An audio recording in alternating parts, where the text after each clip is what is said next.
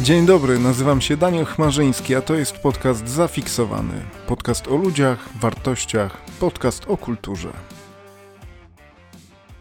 Dzień dobry, witam Państwa bardzo serdecznie w kolejnym odcinku naszego podcastu Zafiksowany. I przypomnę tylko, że można nas wspierać na patronite.pl ukośnik FIK, a dzisiaj gościmy prawnika, czy też prawniczkę i naszego admina, czy też adminkę, gościa, czy też gościnie Urszulę Muraszkiewicz. Hej, dzień dobry, witam. Hej, dzień dobry. Uleł, uleł, nie Urszulę, uleł, poproszę. Prawnika czy prawniczkę? Wszystko jedno. Nie mam z tym żadnego problemu. Wszystko jedno. Gościa czy gościnie? Też wszystko jedno. Może być gościa, może być gościnę, może być prawniczkę, jak, jak wolisz. Jak Byle pasuje. nie była y, sędzina. Byle nie była sędzina, tak, bo sędzina to żona sędziego, a nie pani sędzia. O, i widzisz, już nam mamy wstęp do, do rozmowy odnośnie różnych takich nieporozumień powszechnych, ale może zaczniemy od jakiejś materii lżejszej. Mianowicie, powiedz, jak to jest z tą Temidą. Czy ona jest ślepa, czy nie? Czy, bo tak, jest powiedzenie, że. też niewidoma, Temida, przepraszam. Temida jest ślepa, czyli próżno nam szukać sprawiedliwości Sprawiedliwości w sądzie. Otóż Temida nie jest ślepa, bo mamy taki przed sobą wizerunek Temidy, kobiety e, najczęściej z wagą w dłoni i która ma przewiązane opaską oczy. I nie są one przewiązane dlatego, że Temida jest ślepa, niewidoma, tylko dlatego, żeby Temida właśnie była sprawiedliwa, czyli nie oceniała podsądnych po ich wyglądzie, po tym, jak są na przykład ubrani, czy się uśmiechają, czy się się nie uśmiechają, prawda? Tylko żeby oceniała ich po ich czynach, po tym, co zrobili, z czym przyszli do sądu po sprawiedliwość. A waga służy do tego, żeby zważyć ich uczynki dobre i złe, ich postępowanie i ocenić i wydać jak najbardziej sprawiedliwy wyrok. Mhm. A jakbyś określiła, gdyby ktoś cię zapytał, jaki powinien być dobry prawnik? Kim jest dobry prawnik? Bo w takim potocznym rozumieniu, wiesz, mhm. ludzie mają wiele gdzieś w głowach stereotypów i też jest no tak, wiele takich papuga, narosłych. prawda? E, tak często się mówi e, na, na adwokatów, że to są papugi czyli mhm. tak jakby bezwiednie powtarzają to, co ktoś inny powiedział, tak? I że klepią jakieś tam formułki. Posługują się tym bełkotem prawniczym. Dobry prawnik. E, no w dzisiejszych czasach to trochę te pojęcie już się zmieniło, a przynajmniej w moim odczuciu, e, kim jest dobry prawnik, bo dobry prawnik musi no, oczywiście przede wszystkim znać e, przepisy obowiązującego prawa, z tym, że jak mówił zawsze sędzia jeszcze na studiach moich, że dobry prawnik prawnik nie powinien mieć kodeksu w głowie, tylko głowę w kodeksie, ponieważ przepisy często się zmieniają. Może nie wszystkie, ale generalnie ulegają zmianie, więc e, żeby gdzieś nie utknąć z tymi, z tymi przepisami, o których kiedyś wiedzieliśmy, czy kiedyś się nauczyliśmy, należy po prostu cały czas bacznie obserwować, jak zmienia się stan prawny, jak zmienia się prawo. Tak więc dobry prawnik powinien mieć głowę w kodeksie,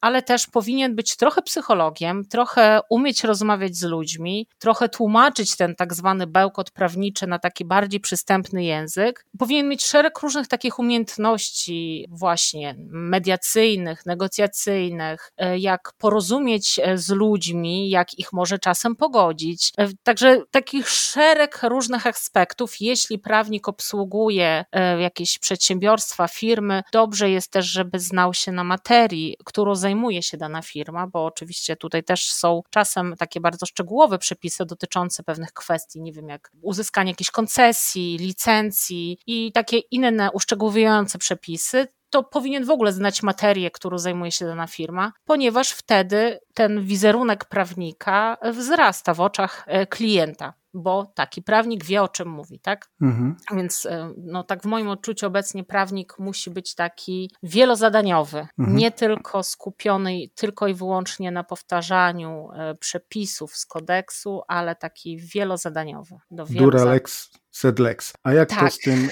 y, z tym prawem rzymskim na pierwszym roku? Rzeczywiście tak ciężko zdać?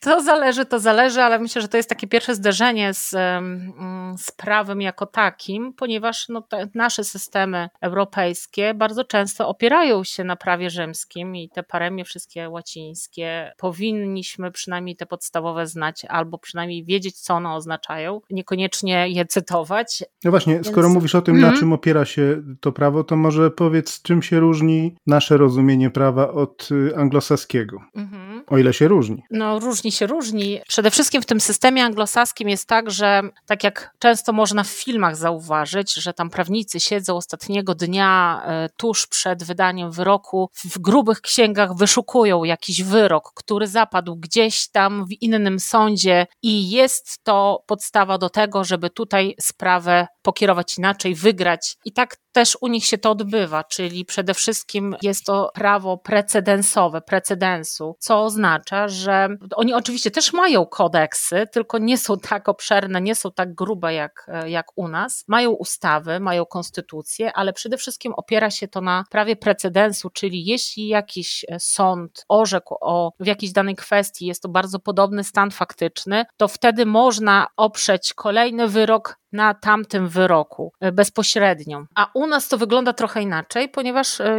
możemy mieć e, dwie takie same sprawy i w jednym sądzie, w jednym mieście sędzia wyda jakiejś jednej treści wyrok, a w drugim wyda całkiem, może nie taki całkiem odmienny, ale jakiś inny wyrok, opierając się na podobnym materiale. Tak? To wszystko zależy w tym momencie od, no w głównej mierze od sędziego i nie opiera się to na precedensach, tylko przede wszystkim na rozumieniu, na tłumaczeniu danego przepisu, bo y, tak jak pewnie wszyscy wiedzą albo i nie wiedzą, przepisy prawa są e, napisane bardzo ogólnie.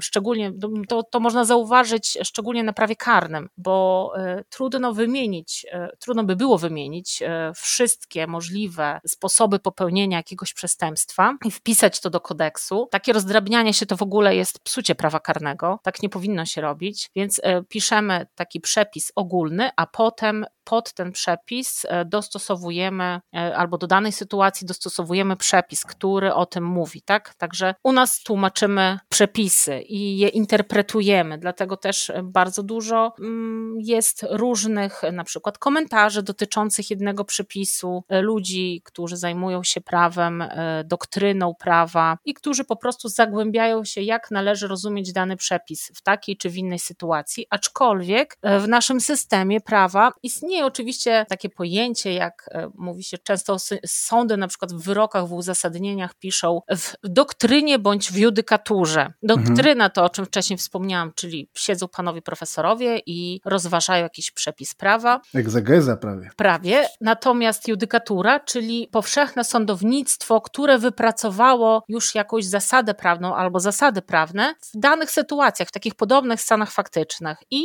jakby daje kierunek, dają wtedy takie sądy kierunek, w jakim powinno się orzekać e, w takich sprawach, tak? Czyli takie trochę quasi precedensy i my bardzo często opieramy się na takich wyrokach. Mówimy, że w sądzie apelacyjnym, na przykład w Krakowie, zapadł taki wyrok i tam w podobnym stanie e, faktycznym i prawnym sądy zdecydowały tak i tak, więc tutaj też wypadałoby w tym kierunku podążać przy orzekaniu. Też zaczynamy się już pomału opierać na tych innych wyrokach. Mamy do nich szeroki dostęp, głównie przez jakieś tam programy internetowe, więc e, możemy się nimi posiłkować. Jest też Sąd Najwyższy, który co prawda orzeka w konkretnej sprawie, ale bardzo często przesądza pewne rozumienie przepisów dla stosowania takiego powszechnego, do stosowania powszechnego e, w, we, wszystkich, e, we wszystkich sprawach. Również istnieją takie wyroki Sądu Najwyższego, są tu uchwały tak zwanej siódemki, czyli składu sędziowskiego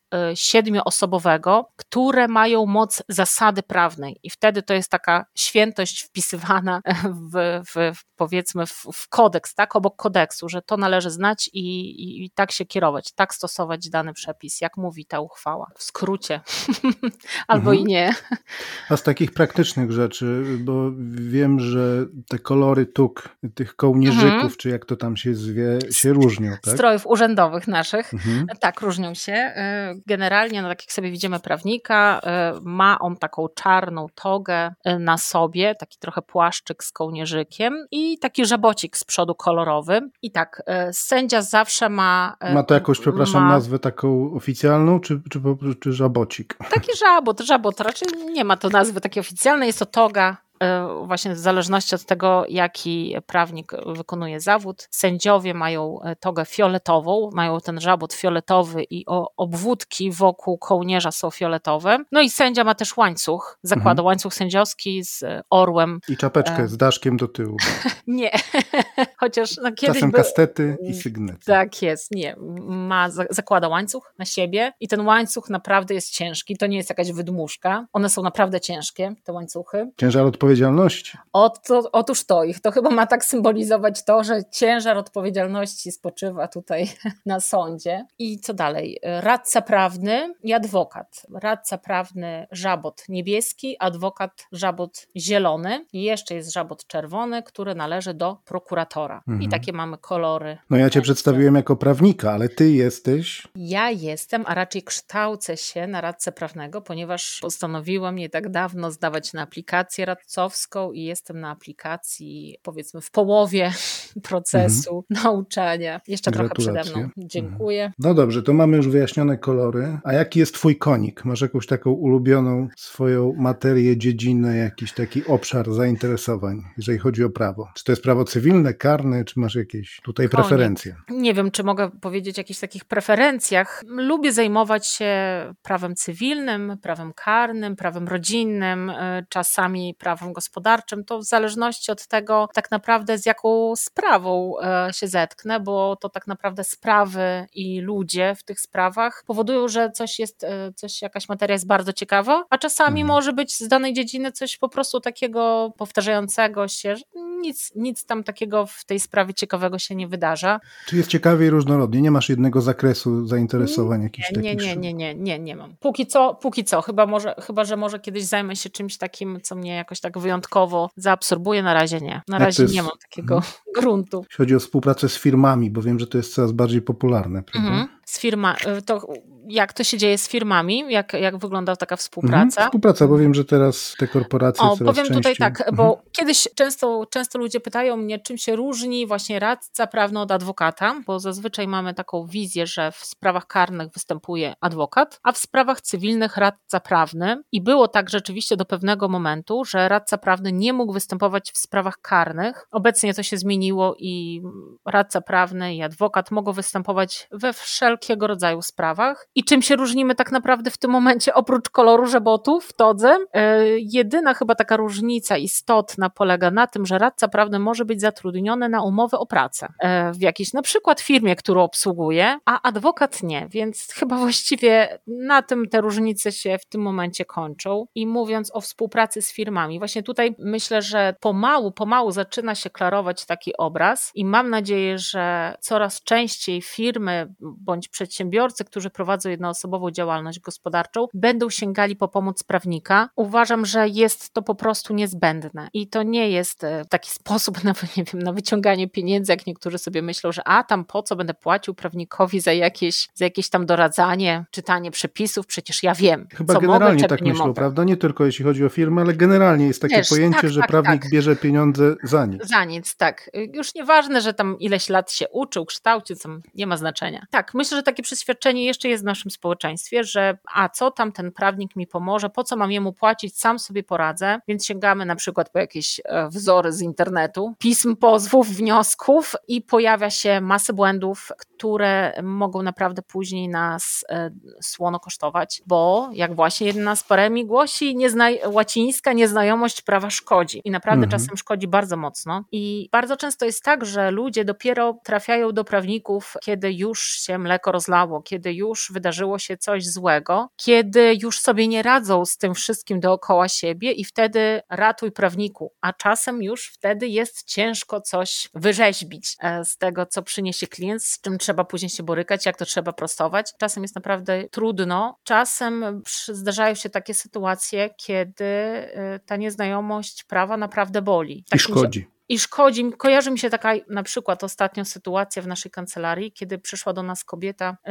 jej dziecko nabyło spadek po zmarłym jej byłym mężu i to był bardzo duży spadek, prawie dwa, ponad chyba 2 miliony i żeby na przykład nie płacić podatku od spadku i darowizn w takim kręgu bliskich osób, należy po prostu złożyć tylko taką zwykłą deklarację do Urzędu Skarbowego, że nabyło się spadek w terminie 6 miesięcy. Niestety pani przyszła do nas po 8 miesiącach i i taki podatek będzie musiała z tego majątku po prostu zapłacić. A hmm. będzie to duży podatek, sięgający kilkudziesięciu tysięcy złotych, więc zaboli kieszeń. Naprawdę myślę, że czasem warto pójść do prawnika, nawet po taką, e, nie mówię, że to od razu wszystkie sprawy należy e, prowadzić przez prawników, bo uważam, że czasem takie na przykład sprawy proste, rozwodowe, kiedy ludzie są w stanie jakby porozumieć się i, i pójść do sądu, przedstawić swoje, swoje racje, wcale nie trzeba sięgać od razu po prawnika, chociaż myślę, że prawnik bardzo często kojarzy nam się z rozwodami, ale czasem wystarczy sięgnąć po poradę taką prawną. Ona,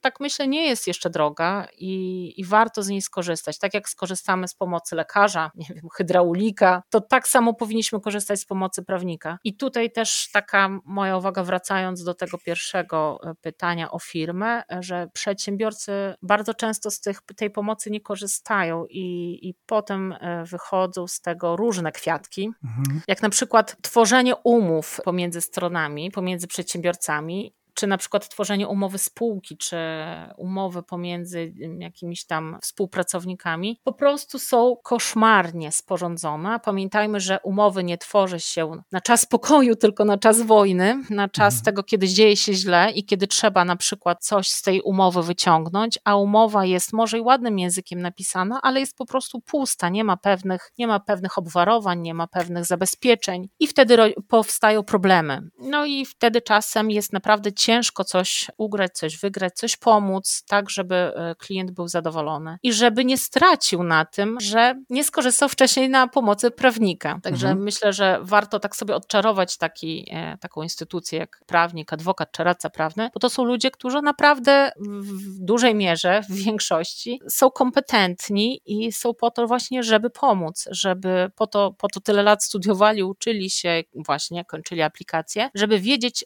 co zrobić e, w danej sprawie, jak pomóc, e, jak wyprowadzić pewne sprawy na prostą. No właśnie, w ramach tego odczarowywania i odkłamywania, może mia- chciałabyś jeszcze dodać coś odnośnie tych stereotypów panujących powszechnie na temat kasty prawniczej. Kasty prawniczej. może tak powiem, żeby nie wchodzić na pewne grunty. Każdy zawód ma jakieś tam swoje ciemne strony i w każdym zawodzie trafiają się jakieś czarne owce, e, niekoniecznie, które psują wizerunek po prostu danej grupy zawodowej. E, tak samo jak możemy powiedzieć o złym lekarzu, e, możemy powiedzieć też o złym prawniku i tacy też są na rynku. Jak zweryfikować, czy dany prawnik jest dobry, czy nie? Myślę, że warto popytać w swoim środowisku, jeśli mam jakiś problem, czy nasi znajomi korzystali z pomocy jakiegoś prawnika. Jeśli tak, to czy polecają go, czy sprawnie zajął się sprawą. Niekoniecznie, czy sprawę wygrał, ale czy na przykład e, informował, jakie, jakie są możliwości, jakie są szanse, na wygraną sprawę, tak? Y, jak, mhm. Jak się kontaktował z klientem, jak tłumaczył przepisy czy daną sprawę, to to myślę, że to pokazuje też, jaki jest prawnik. I co, co ważne, kiedyś też mm, inny z kolei profesor, z którym miałam zajęcia, mówił, że dobry prawnik to ten, który nie, nie zna odpowiedzi na wszystkie pytania i mówi, to zależy, mhm. bo często wydawałoby się, że na przykład, a nasza sąsiadka to w takiej sprawie to miała tak i tak, to my będziemy mieli tak samo. Nie, nie zawsze zawsze tak jest. Y, warto dlatego konsultować się z prawnikami, bo nie zawsze taka, powiedzmy, to, co sprawdzi się w jednym, sprawdzi się też w drugiej sytuacji u kogoś innego. Więc myślę, że dobry prawnik będzie, nie będzie znał od razu wszystkich odpowiedzi, bo tak myślimy sobie, że przychodzimy do prawnika, mówimy, przedstawiamy sprawę, a prawnik od razu cyk, i wszystko wie. Nie da się, mhm. myślę, że chyba nie da się e, znać we wszystkich dziedzinach prawa i od razu natychmiast znać odpowiedź na każde pytanie, co nie znaczy, że jest się złym prawnikiem, tylko że czasem lepiej po prostu się upewnić, czy na przykład nie zmieniły się przepisy, albo nie zmieniła się też, orzecznictwo nie zmieniło się, tak? Właśnie o czym wcześniej mhm. wspominałam, że gdzieś sądy poszły w tym rozumieniu prawa trochę inaczej, trochę inaczej myślą, trochę inaczej decydują, bo potem, gdy taki pewny siebie prawnik staje przed sądem, może się zdziwić i może po prostu sprawdzić, sprawę przegrać. Mhm. Czyli cały czas trzeba się dokształcać, cały czas trzeba tak, czytać. W tym tak, zawodzie. cały czas trzeba czytać, cały czas trzeba dokształcać się, bo to myślę, że to o tym świadczy też e, kunszt prawnika, który nie osiadł gdzieś na laurach, na swoim, na tym, co już osiągnął, tylko cały czas e, gdzieś jest na bieżąco z przepisami. I tu ciągle postępują mhm. zmiany, tak jak na przykład lekarze też powinni się cały czas aktualizować swoją dokładnie, wiedzę. Prawda? Dokładnie, bo to jest też taki zawód zaufania e, publicznego, który w pewnym sensie decyduje czasem o losach człowieka, tak? Czy ktoś, tak trywialnie mówiąc, pójdzie w, w, odsiedzieć swój wyrok karny, czy też mhm. na przykład będzie musiał zapłacić jakieś ciężkie pieniądze drugiej stronie. Więc to są takie sytuacje, kiedy naprawdę czasem bez tego prawnika można stracić cały majątek, cały dorobek swojego życia. No jak prostu. to pani nie zna całego prawa? Pani kochana, artykuł 182 kodeksu cywilnego, proszę, o czym, o czym stanowi? Ale zobacz, jak się przygotowałeś bardzo ładnie. E, o pszczółkach. A jak to jest z tym rojem wyrojonym? Do kogo tak. należy, jak się pszczółki przeniosą, przeniosą z jednego ula do drugiego? To co? Tak, to, to jest taki, taki śmieszny przepis, taki archaiczny. Można powiedzieć, że taki ostał się w naszym kodeksie cywilnym. Jeszcze, e... przepraszam, dodam, ja się, proszę pani, zawsze przygotowuję w każdej dziedzinie do rozmowy. Jestem profesjonalnym Bardzo tutaj. się cieszę. No, proszę mówić. Bardzo się cieszę i, i jestem mile zaskoczona. Tak, e, ten przepis jest taki, taki zabawny, zabawny. No myślę, że taki jest archaiczny już troszeczkę, bo nie znajdziemy innych przepisów dotyczących tak, e, opisujących tak szczegółowo jakieś wydarzenie, a to jest jest taka zabawna sytuacja, kiedy pszczoły z naszego ula postanowią ten ul opuścić. Wówczas właściciel może udać się za takim rojem w pogoń. Ma jak wejdzie w szkodę? Jak wejdzie w szkodę, będzie musiał e, naprawić taką szkodę. E, jak e, rój pszczół, a i ten właściciel... Ale jeśli nie uda mu się przekonać tego roju, żeby łaskawie wrócił, to co? No to przykro mi. To wtedy taki rój pszczół staje się niczyim, bo właściciel ma na to tylko trzy dni, więc trzy dni pogoni żeby, żeby za przekonać. Pszczół, tak, żeby przekonać. Jak nie, to trudno, gdy ten rój na przykład wleci do innego ula i złączy się z innym rojem pszczół, to już wtedy nie ma, że oddzielamy sobie pensetką, to jest moja pszczoła, a to twoja pszczoła. Nie. Ten, e, ten właściciel roju pszczół, do którego pszczoły przyleciały, staje się właścicielem wszystkich pszczół. Kurczę, a bywają sytuacje, że ci pszczelarze próbują przekupić jakoś te pszczoły, nie wiem, biletami na Stinga. Na... Szczerze powiem, nie spotkałam się jeszcze z ani jedną taką sytuacją dotyczącą roju pszczół, na ale jest to tak. Na jest Bee Gees na przykład? Jest to taki, jest to taki bardzo zabawny przepis, taka, taki anegdotyczny myślę, że a i bardzo często pojawia się w ogóle na wszelkich egzaminach możliwych, e, mhm. czy na studiach, czy na aplikacji, e, nie wiem, egzaminatorzy chyba lubią się tak pastwić nad nami, żeby takie smaczki wynajdować w kodeksie. Proszę, jak pan prowadzący ładnie trafił, prawda? Bardzo ładnie. A, a to teraz kodeks karny, proszę, artykuł 10, paragraf drugi. Jak to jest z tymi 17-latkami i 15-latkami? Proszę bardzo. Oj, bywa różnie. Zanim trafiłam na aplikację, wiele lat pracowałam w sądzie rejonowym i pracowałam wiele lat w wydziale karnym i w wydziale rodzinnym. I myślę, że to są dwa takie najcięższego kalibru wydziały, ponieważ no, spotykamy się z ze sprawami czasem bardzo naprawdę trudnymi. Bardzo często też trafiają się młodzi ludzie, dzieci, młodzież, która już jest na takim stopniu zaawansowania jeśli chodzi o popełnianie przestępstw, że naprawdę budzi to smutek i trwogę. Tu nie ma, mm. wiesz, nie ma śmiacia, jak to się mówi, ale mhm. Y, tam był wyszczególnione było, że można go karać jak siedemnastolatka, y, y, jak dorosłego. Między innymi, no, gdyby mhm. zaatakował prezydenta na przykład. Ale w jakich jeszcze wypadkach? Rozboju? Czego? Powiem tak, siedemnastolatka, a nawet piętnastolatka można pociągnąć do odpowiedzialności tak jak osobę dorosłą. Może to być w sytuacji na przykład zgwałcenia, na przykład rozboju, na przykład spowodowanie ciężkiego uszczerbku na zdrowiu, bądź zabójstwa oczywiście, tak? E, czy jakieś spowodowanie czy katastrofy. Morderstwa. No właśnie, a czym się różni mhm. zabójstwo od morderstwa, proszę pani?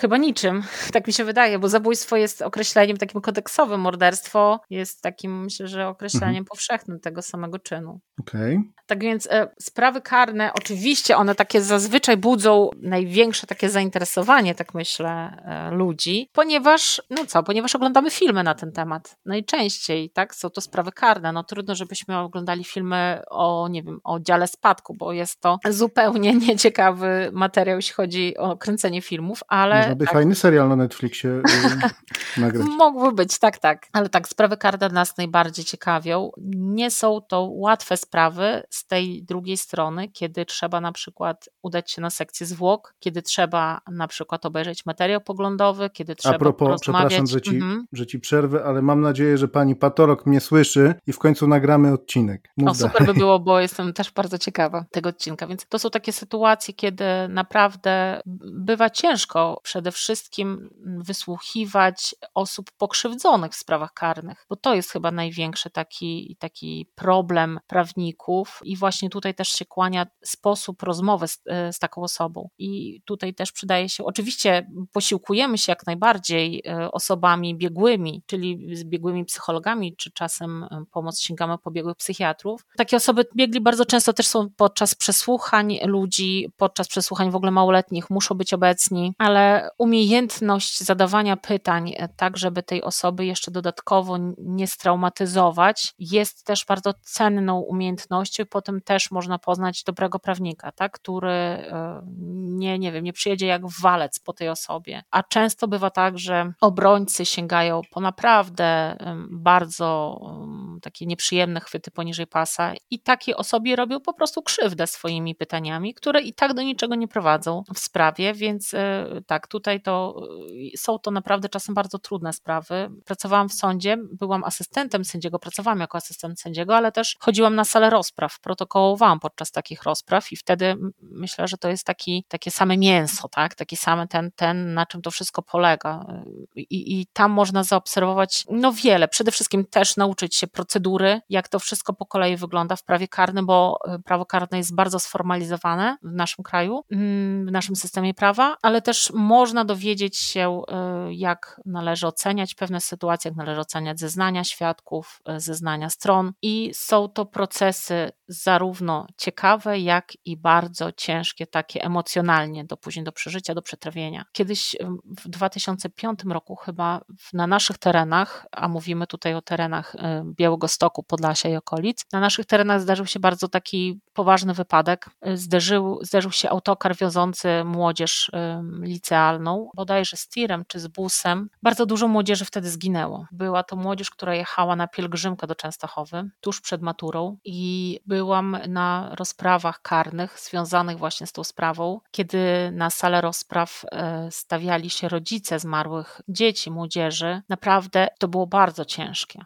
tak, bardzo ciężkie dla sędziego do prowadzenia takiej sprawy, dla ludzi, którzy uczestniczyli, nawet dla mnie, bo musiałam to wszystko zapisywać, a czasem naprawdę łzy kręciły się w oku, kiedy słuchało się tego, co tam się wydarzyło. Kiedy na przykład przesłuchiwaliśmy inną młodzież, która w ten wypadek przeżyła bądź została uratowana. To taka jedna chyba z takich najgorszych, najcięższych spraw, którą tak też bardzo osobiście przeżyłam. Tam też zginęła wtedy, yy, zginęła moja koleżanka w tym wypadku, inna została bardzo ciężko poparzona. I naprawdę spra ta sprawa wtedy tutaj w Białymstoku, na Podlasiu, była też w ogóle w mediach takich y, w całym kraju podawana, ale ta, ta historia chyba najbardziej takie odcisnęła na mnie takie piętno, że, e, że chyba nie uczestniczyłam w gorszym, w gorszym procesie, właśnie ze hmm. względu na te wszystkie emocje. Więc tak, sprawy karne i sprawy rodzinne również potrafią być bardzo takie e, intensywne. intensywne w przeżyciu. Później trzeba gdzieś znaleźć sobie taki wentyl, e, wentyl bezpieczeństwa, jak ja to mhm. nazywam, żeby odreagować. No właśnie, mhm. to przejdźmy płynnie. Co jest takim twoim wentylem bezpieczeństwa? Jakie masz pasje, hobby, zainteresowania? Mówi się, że także policja e, dużo nadużywa alkoholu, tak? Policjanci czy prokuratorzy i, i to chyba też się wiąże z tym, że właśnie oni muszą, muszą, nie muszą, ale y, radzą sobie tak może trochę nie, nieudolnie z, y, z tym, co ich na co dzień spotyka w pracy mam kolegów prokuratorów, ich wentylem bezpieczeństwa na przykład są e, wycieczki w krajoznawcze, w takie ciężko dostępne tereny, na przykład łażą sobie po bagnach, gdzieś jeżdżą na jakieś takie ciężkie spływy kajakowe, w ten sposób odreagowują. Ja mhm. zazwyczaj mhm. gdzieś tam się zanurzam jednak w świat książek, w świat muzyki, to gdzieś taki jest mój wentyl bezpieczeństwa.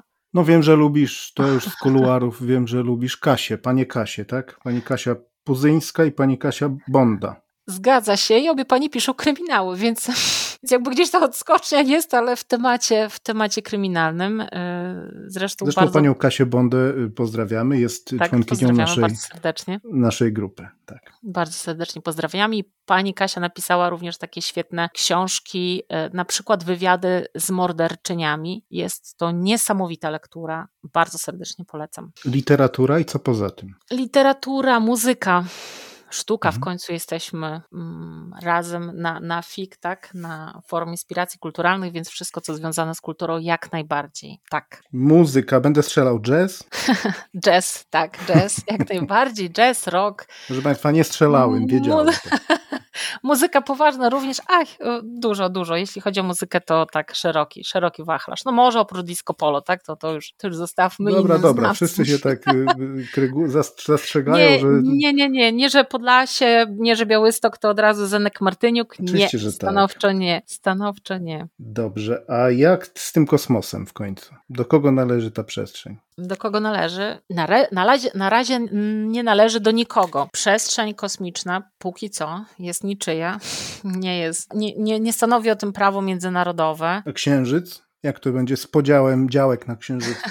Póki co nie ma jakby takich też przepisów, które mówią o tym, żebyśmy jakoś w jakikolwiek sposób mieli ten księżyc dzielić. Przynajmniej do tej pory nie słyszałam nic na ten temat. W filmie Marsjanin, gdzie Matt Damon grał rolę osoby, która podbiła kosmos i on tam takie zdanie mówi, że właściwie to został piratem, ponieważ e, podróżuje tam po terenach. Już nie, nie pamiętam dokładnie jego uzasadnienia, ale że jest piratem przejął inny statek, więc e, tutaj jest takim piratem. To nie jest tak do końca, ponieważ e, prawo międzynarodowe dotyczące też e, tej przestrzeni mm, wód mówi o ziemi, tak? Nie mówi o żadnych innych terenach, więc nie do końca tu bym się zgodziła z tą interpretacją, chociaż podobno tam NASA sięgało po jakieś, inaczej twórcy filmu sięgali po przepisy i też dowiadywali się od NASA jak to jest, ale to nie jest tak, jak było w tym filmie powiedziane. Jakieś ciekawostki jeszcze z jakieś ciekawe sprawy, ciekawe wyjątki. Pamiętam, e... że wspominałaś gdzieś tam w, w kuluarach tak zwanych o motocykliście. Ach, o tej sprawie mówisz. Tak, miałam przyjemność uczestniczenia w zajęciach z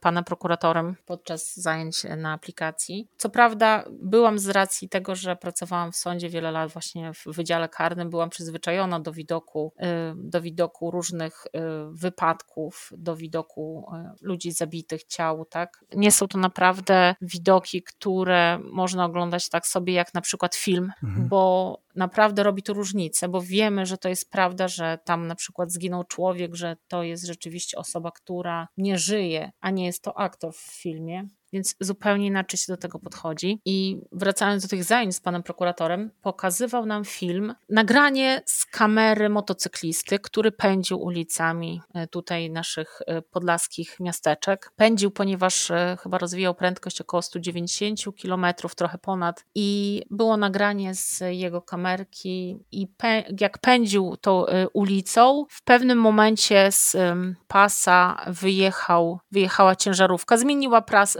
pas po prostu z prawego na lewy, bo chciała kogoś tam ominąć, wyprzedzić i pod tą ciężarówkę wpadł nasz motocyklista. Widać było, jak motocyklista upada, kask wypada i na tym się nagranie kończy. Mm, motocyklista poniósł śmierć na miejscu. Był to młody chłopak, dwudziestoparoletni i jak dalej, jak dalej potoczyła się sprawa? Przede wszystkim był zatrzymany ten um, kierowca tego busa, tej ciężarówki, która zmieniła pas z prawego na lewy. Co prawda wiadomym jest, że ten kierowca tej ciężarówki no naprawdę nie miał prawa, bo przynajmniej y, ciężko by było mu udowodnić, że mógł zauważyć tego motocyklistę pędzącego, a jednak był w tej sprawie zatrzymany. Z pewnością byłyby mu postawione zarzuty. Jednak w tej sprawie na szczęście dla pana kierowcy, było również zabezpieczone inne nagranie z tira, który jechał za motocyklistą i te, bardzo często tam kierowcy tirów mają, mają te kamery i nagrywają z racji tego, że te kabiny są wysoko, więc mają szerokie pole widzenia te kamery ich. Nagrał y,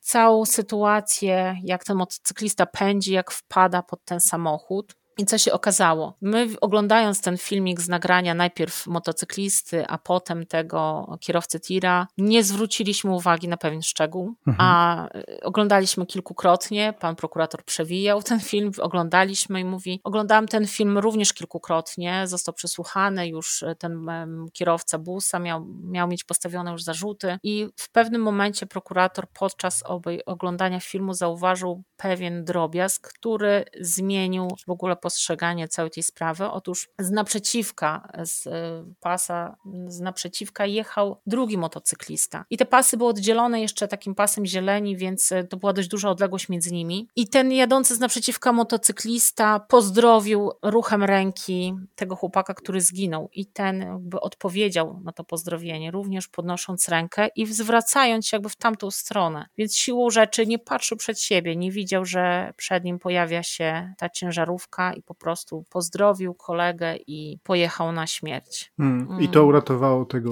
kierowcę. To uratowało tego kierowcę przed odpowiedzialnością karną, więc też to jest tutaj y, duża zasługa prokuratora, który rzeczywiście dążył do tego, żeby wyjaśnić sprawę. Nie zawsze jest to takie proste i łatwe, i nie zawsze są takie filmiki. Bardzo często trzeba się posiłkować również biegłymi, którzy będą oceniać, ale tutaj akurat no, taka miała miejsce sytuacja, która pomogła w, w ocenie i to dopiero po jakimś czasie um, okazało się, co się stało, jak to, jak to, jak, jaki miał przebieg to zdarzenie, więc y, są różne takie sytuacje, które na początku wydają się, y, że miało miejsce zupełnie inne zdarzenie niż rzeczywiście potem wynika chociażby ze śladów pozostawionych, ale to już chyba bardziej będzie mogła być kompetentna pani z Zakładu Medycyny Sądowej, z którą ma zamiar przeprowadzić również rozmowę.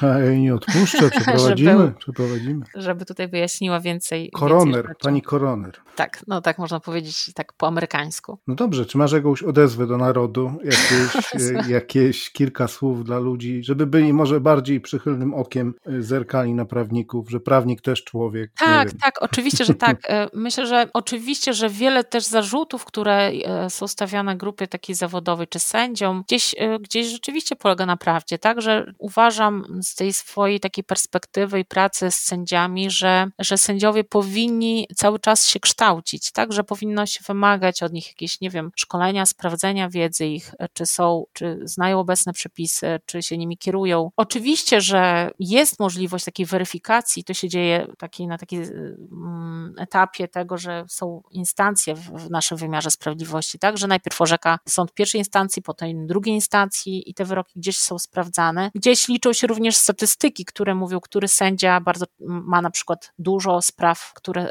były uchylane albo zmieniane i wtedy takim sędzią można się zainteresować, co się z nim tam dzieje. No ale to jest jednak myślę, że trochę za mało, że sędziowie powinni być, właśnie, bo u nas sędziowie to też trochę inaczej jest niż w tym systemie anglosaskim, tam, a nie tylko, bo bardzo często w systemach prawnych jest, że jest tak, że sędzia jest ukoronowaniem zawodu prawniczego, tak? Czyli sędzią zostaje ktoś, kto już nabył doświadczenie w innych zawodach i po takim wieloletniej pracy zostaje sędzią. I myślę, że to ma jakieś tam rację bytu i że to jest bardzo takie potrzebne, ponieważ no cóż może taki, taka młoda osoba tuż po studiach, może i wykształcona, może ma bardzo szeroką wiedzę e, taką praktyczną, e, teoretyczną, ale tej praktyki jeszcze nie ma i młody sędzia no jednak jeszcze nie podejdzie tak dobrze do tematu, jak sędzia, który wiele lat orzekał w, w danym, w danym zakresie, w danej materii, więc myślę, Czyli że tutaj... doświadczenie, doświadczenie, tak, jeszcze raz doświadczenie. Dokładnie, więc myślę, że tutaj wiele jest rzeczy do poprawki, ale jak wojsku, jednak... wiesz, jak przychodzi wojskowy po studiach i ma od razu na wejście porucznika, a ma współpracować mhm. ze, ze starym wojskiem takim, wiesz... Dokładnie. Przetestowanym myślę, tak. na placu boju, to oni tego pana porucznika no nie, nie bardzo poważają. I myślę, że to jest bardzo dobre porównanie, że jednak y, praktyka czyni mistrza, tak? Że tutaj należy bardzo dużo. Przepraszam, wiem, że dobre, no bo w wojsku byłem. Tak, byłem, no. tak, więc myślę, że tutaj należy tak y, dużo się uczyć, ale przede wszystkim nabywać y, szerokiej praktyki, ale mimo wszystko jednak zachęcam do korzystania z, z usług, z wiedzy, z doświadczenia prawników, bo naprawdę mogą czasem uratować skórę i, I po tu prostu. Padnie adres, adres strony kancelarii, gdzie pracuje Urszula. Nie, nie, nie, nie.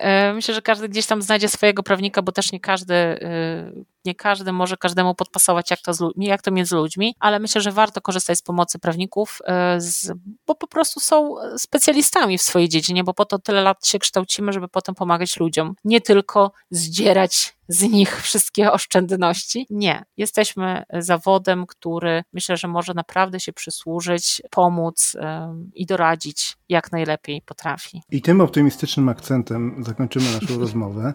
Bardzo Ci dziękuję. dziękuję Uważam, bardzo. że to była arcyciekawa, arcyciekawa rozmowa. Że też Mam nadzieję, że nie zanudziłam. Nie, myślę, że, że jeszcze nie. ktoś że... nas do końca mhm. dosłuchał. Myślę, że nie. Myślę, że członkinie i członkowie nie tylko Forum Inspiracji Kulturalnych, ale generalnie ci, którzy odwiedzają ten podcast, będą bardzo ukontentowani i z przyjemnością wysłuchają. Także Super. bardzo serdecznie Ci dziękuję. dziękuję. Dziękuję Ci również za zaproszenie i za rozmowę. Dziękuję Państwu za wysłuchanie Pozdrawiam. i zapraszam na kolejny odcinek. Dzięki. Cześć. No to fik. Papa. Papa.